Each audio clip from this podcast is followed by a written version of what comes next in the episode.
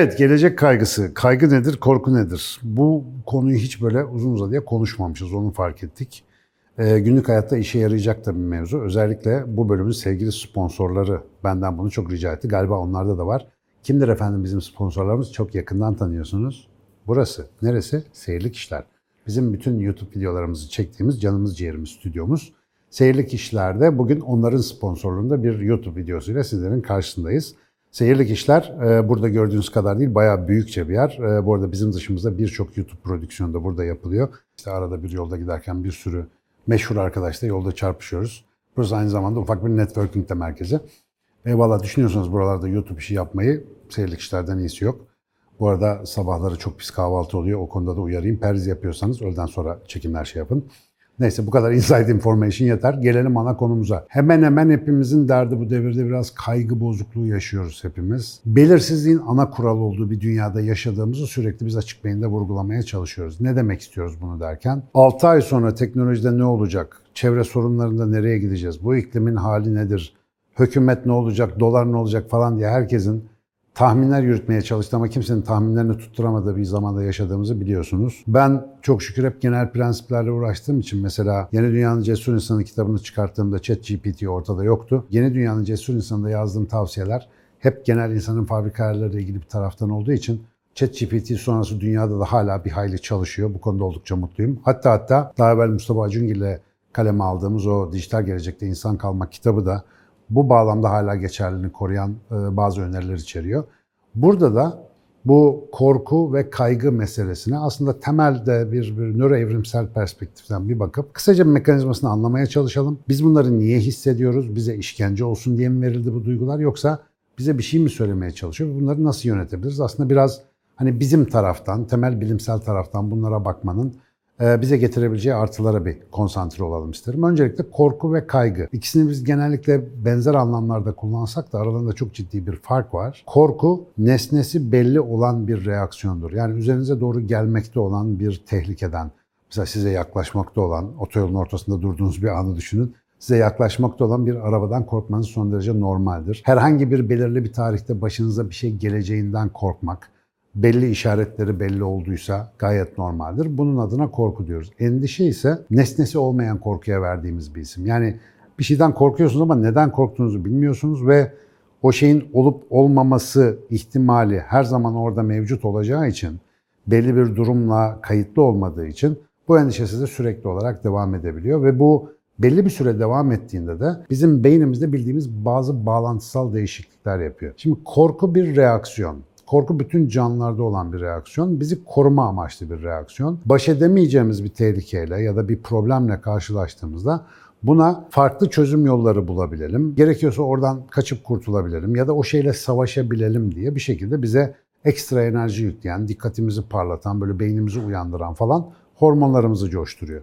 Ve çok atavi bir şeydir korku. Yani Birçok araştırıcının iddiasına göre bizde doğuştan gelen bazı korkular var. Mesela sürüngen korkusunun falan öyle olduğunu söylüyorlar. İşte yılan korkusu mesela. Maymunlarda bu çok test edilmiş. İnsanlarda da böyle bir şeyler varmış gibi gözüküyor. Korku gayet normal.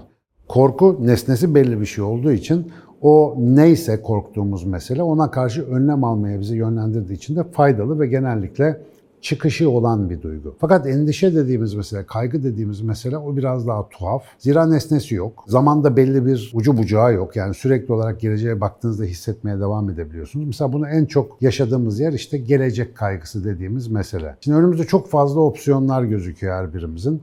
Bazılarımızın önünde de başkalarına dair bir sürü seçenekler gözüküyor ama bize hiç seçenek yokmuş gibi falan algılıyoruz ve bu Yokluk içerisinde ne yapacağım? Ben bu hayatı nasıl yaşayacağım? Elim nasıl ekmek tutacak? Yaşlılıkta ne yapacağım? İşte benim çoluğun çocuğun durumu ne olacak falan gibi. Gelecekle alakalı sürekli bir takım kaygılar içerisine girmekten bir türlü kurtulamıyoruz. Bu küçümsenecek ya da hafife alınacak bir mesele değil. İnsan olan herkesin ciddi anlamda kaygılanmasını mümkün kılan bir dünyada yaşıyoruz.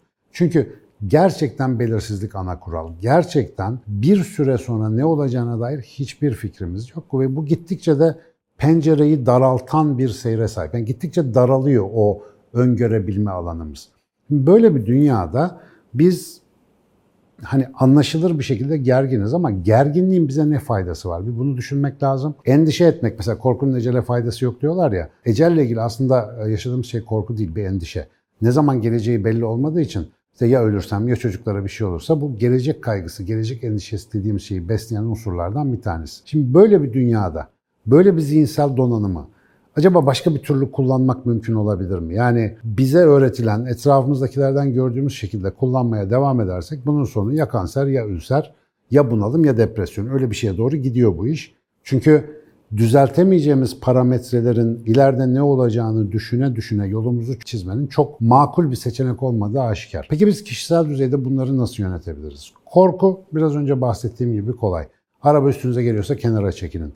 Korku olan meselenin halli için harekete geçin ve bir şekilde onu e, ya yardım alarak ya kendi başınıza bir şekilde halledersiniz. Onu çok fazla konuşmanın önemli olduğunu düşünmüyorum ama belirsiz bir şeye karşı kaygı hissediyorsanız, burada e, bilimsel olarak işte evrimsel olarak beynimizin nasıl çalıştığını falan size süper detaylı olarak anlatabilirim. Ama bu kadar nörolojik bilgi bir işinize yarar mı çok bilmem. Ama özetle bir kısmı var ki orası çok işinize yarayacak diye tahmin ediyorum. Ben özellikle nörobilim eğitimlerimde burayı çok uzun uzun anlatırım. O da bizi diğer canlılardan farklı yapan beynimizin ön tarafıyla ilgili bir aşırı gelişmişlik durumumuz var. Burası çok büyük bizde. Peki burası ne yapıyor? İnsana ait bütün yeteneklerimizi burası yönetiyor. İnsana ait bütün yetenekler deyince işin içinde dil de var, hayal kurma da var, geçmişi ve geleceği algılama da var çok uzak geleceğe dair simülasyonlar yapabilme, yani zihinsel benzeşimler kurabilme gibi yetenekler de var. İşte toplumsal kuralları anlama, sosyal olarak uygun davranışlar sergileyebilme, kendini kontrol edebilme, irade kullanabilme gibi her şey, yani hayvanlarda görmeyip de insanda gördüğümüz ne varsa burayla alakalı. Çünkü buraya hasar verdiğimiz o özellikler gidiyor. Bunu buradan biliyoruz. Bu bölgenin tabii böyle hep güzel tatlış özelliklerini sayıyoruz da yan etkileri de var maalesef. İşte onlardan bir tanesi şu anda konuştuğumuz konu. Bu arkadaşın işi şu, yani ön beynin işi şu. Biz mesela şu anda bir davranış sergilerken, mesela ben konuşurken, bir an sonra lafın nereye gideceğini, bu konuyu nereye varacağımı ileri doğru sürekli kafamda simülasyonlarla test etmek zorundayım ki bu konuşmanın yolunu kaybetmeyeyim, ne diyeceğimi unutmayayım ve sizi bu konuşmanın sonunda bir fikre çıkarabileyim, bir yere ulaştırabileyim. Aynı şekilde hayatta da ne iş yapıyor olursanız olun, o işin işte yaptığınız biçimiyle yapmaya devam ettiğinizde ileride neler olabileceği, daha iyi sonuçlar elde etmek için şu anda yaptığınız şeyi ne türde bir düzeltmeye tabi tutmanız gerektiği, neleri değiştirmeniz gerektiğini size aslında ön beyninizdeki simülasyon sistemleri anlatıyor ya da gösteriyor. Bunlar olmasa bizim hiçbir hareket yapabilmemiz mümkün değil. Ama bir taraftan da beyinle ilgili sık sık, mümkünse her gün sabah hatırlamamız gereken bir gerçek var. İstiyorsanız bunu şöyle küçük bir post-it'e yazın. Uyandığınız yerin yanına yapıştırın her sabah uyanınca görürsünüz. Beyin bir hayatta kalma donanımıdır. Yani işi bizi hayatta tutmaktır. Resim yapmak, mutlu olmak, estetik üretmek falan değildir onun işi. Bunlar yan işleridir. İsterse yapar. Esas işi bizi hayatta tutmak. Bu cümle niye önemli? Hayatta tutmak için sürekli çalışan, bunun için e, tasarlanmış bir sistem önce kötüyü görmeye programlıdır geleceğe de baksa, geçmişe de baksa eğer orada kötü bir şey varsa, kötü bir ihtimal varsa, kötü bir anı varsa önce ona gel gel yapar. Önce ona dikkatimizi çeker. Çünkü tehlikeden korumak onun birinci görevidir.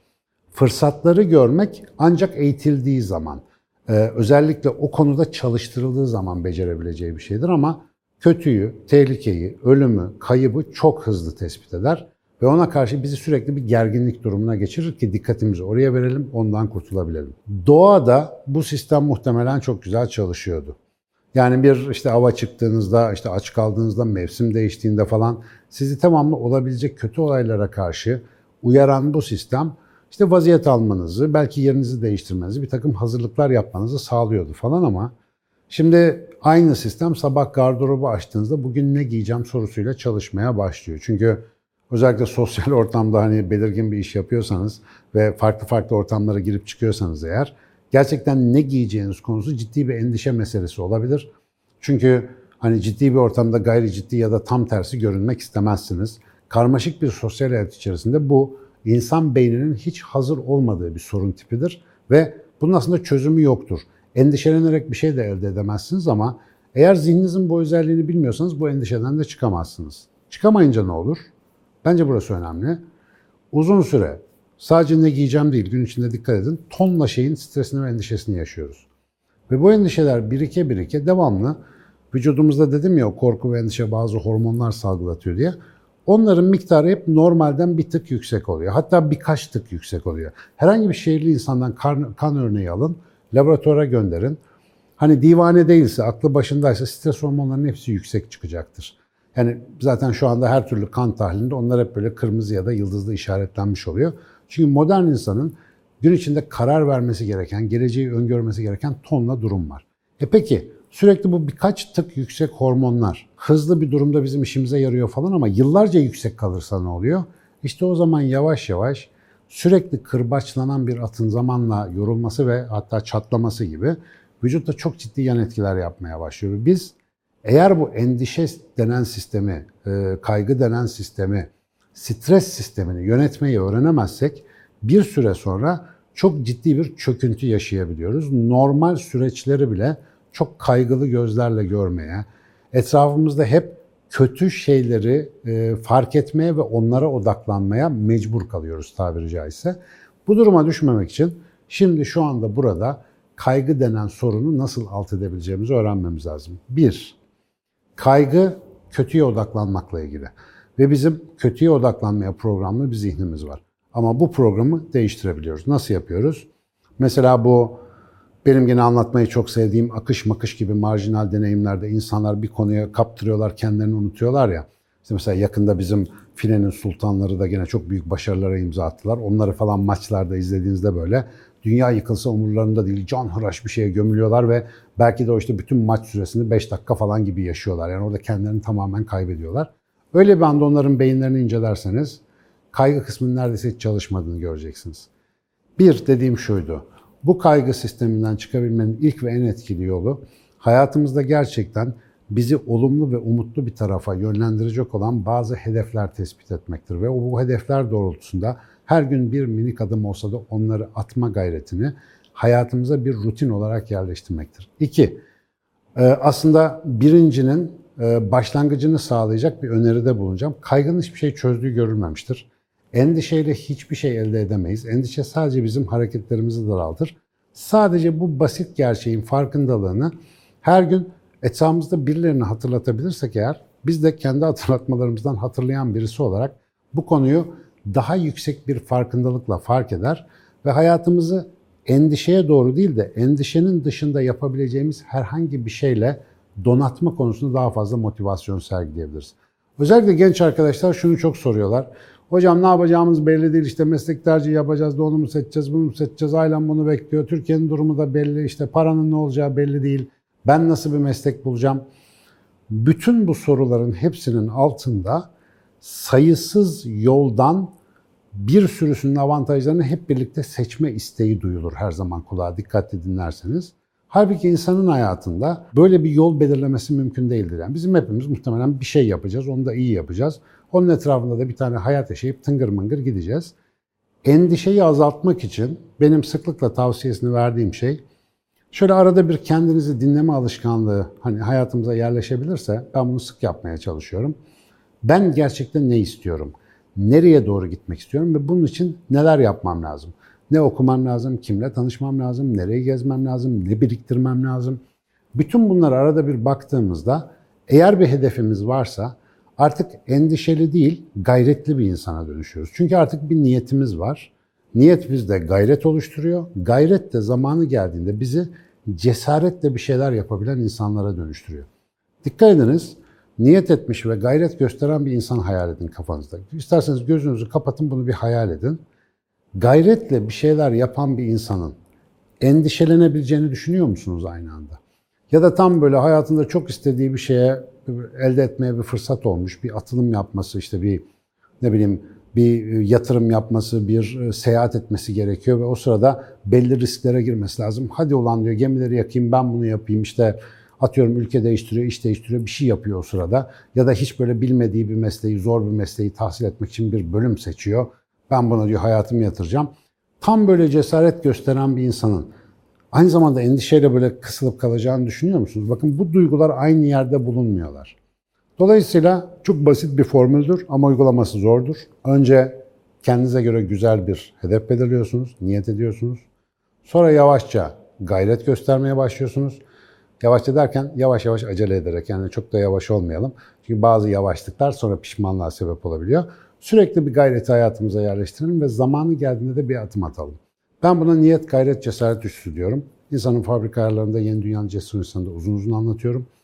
İnsanın kendi kendisini disipline etmesi gereken bir süreçtir bu. Ondan bahsediyorum. Bütün bunlar ne için? Endişeye odaklı olarak evrimleşmiş, öyle yaratılmış bir zihni verimli bir insan zihnine dönüştürmek için bir eğitim yöntemi bu. Size insanlar gelebilir, gaz verebilir, vizyon verebilir, yol gösterebilir, bilgiler verebilir, sizi hiç duymadığınız şeylerle tanıştırabilir. Ama diğer insanların size verecekleri sadece sizin işte heybenizdeki yiyecekler, azıklar, alet edevatlar gibidir. Sizin gideceğiniz yol belli olduğunda, sizin kararınız belirginleştiğinde o zaman ancak bu donanımlar bir işe yarar. Günümüz dünyasında endişeyi arttıran en önemli şeylerden bir tanesi kendimizi sürekli yetersiz hissettiğimiz için devamlı kulağımızın, gözümüzün dışarıda olması. Acaba bu ne yaptı? Acaba bu ne diyor? Şu mu doğru söylüyor, bu mu doğru söylüyor? Falancacı mı olayım, filancacı mı olayım diye izinden gideceğimiz birilerini aramak, bize birilerinin kader çizmesini beklemek gibi kötü bir alışkanlık. Herkesi dinleyin. Herkese kulağınız gönlünüz açık olsun. Ama en çok da kendinizi dinleyin. Çünkü endişeyi ortadan kaldırmanın en iyi yolu insanın ne olduğunu bilmesidir. Ne olduğunu bilenin gelecek endişesi olmaz. Son bir önerim, bunu çok tekrar ettim. Bizim YouTube kanalı müdavimleri, açık beyin severler muhtemelen artık sıkılmışlardır bu laftan ama siz neye karar verin, nasıl hallolur sevgili arkadaşlar. Biz hep nasılla endişeleniriz. Ya bir insanın hedefiyle ilgili endişelendiğini hiç gördünüz mü? O hedefin nasıl yapacağıyla ilgili endişesi vardır. Hedefi olan insanın hedefin kendisiyle ilgili bir endişesi ya da kaygısı yoktur. Nasıl olacağına dair bir kaygı her zaman kendini gösterir. Ee, Valla evrenin bu bir kuralıdır. Yeterince yaşayınca hepimiz anlayacağız bunu. Ben bu dünyadaki yarım asırı bitirmiş olarak onu söyleyeyim size. Ben bir şeyin ne olması gerektiğine karar verdiğimde, gerçekten karar verdiğimde nasılları bir şekilde halloluyor. Bana diyorlar ki sen ne kadar gevşeksin, ne kadar böyle şeysin, rahat adamsın, hani dünya yansa bir kucak otun yanmaz gibisin. Gerçekten öyle misin? Her konuda değil. Benim de acemi olduğum çok konu var. Benim de endişe hissettiğim çok konu var. Ama bazı konular vardı. Orada daha fazla kas geliştirme zamanım oldu ve o konularda çok bir kaygım yok. O konularda sadece yanlış karar vermişsem kararlarımı düzeltmeye ihtiyacım var ve bu farkındalığa ulaştığınız zaman zaten baktığınız bir gerginlik hissediyorsunuz. Öyle değil, böyle yapalım diyerek hemen işi çevirebilirsiniz. Şunu unutmayın, kaygı ve korku doğaldır. Fakat uzun süreli olan çok iyi bir seçim değildir. Eğer çok uzun süre bir şeyin kaygısını hissediyorsanız ya yanlış araçtasınız, ya yanlış yerdesiniz ya da yanlış hedeftesiniz. Onu değiştirmek için güzel bir işaret olabilir. Hep beraber değiştireceğiz bakalım inşallah.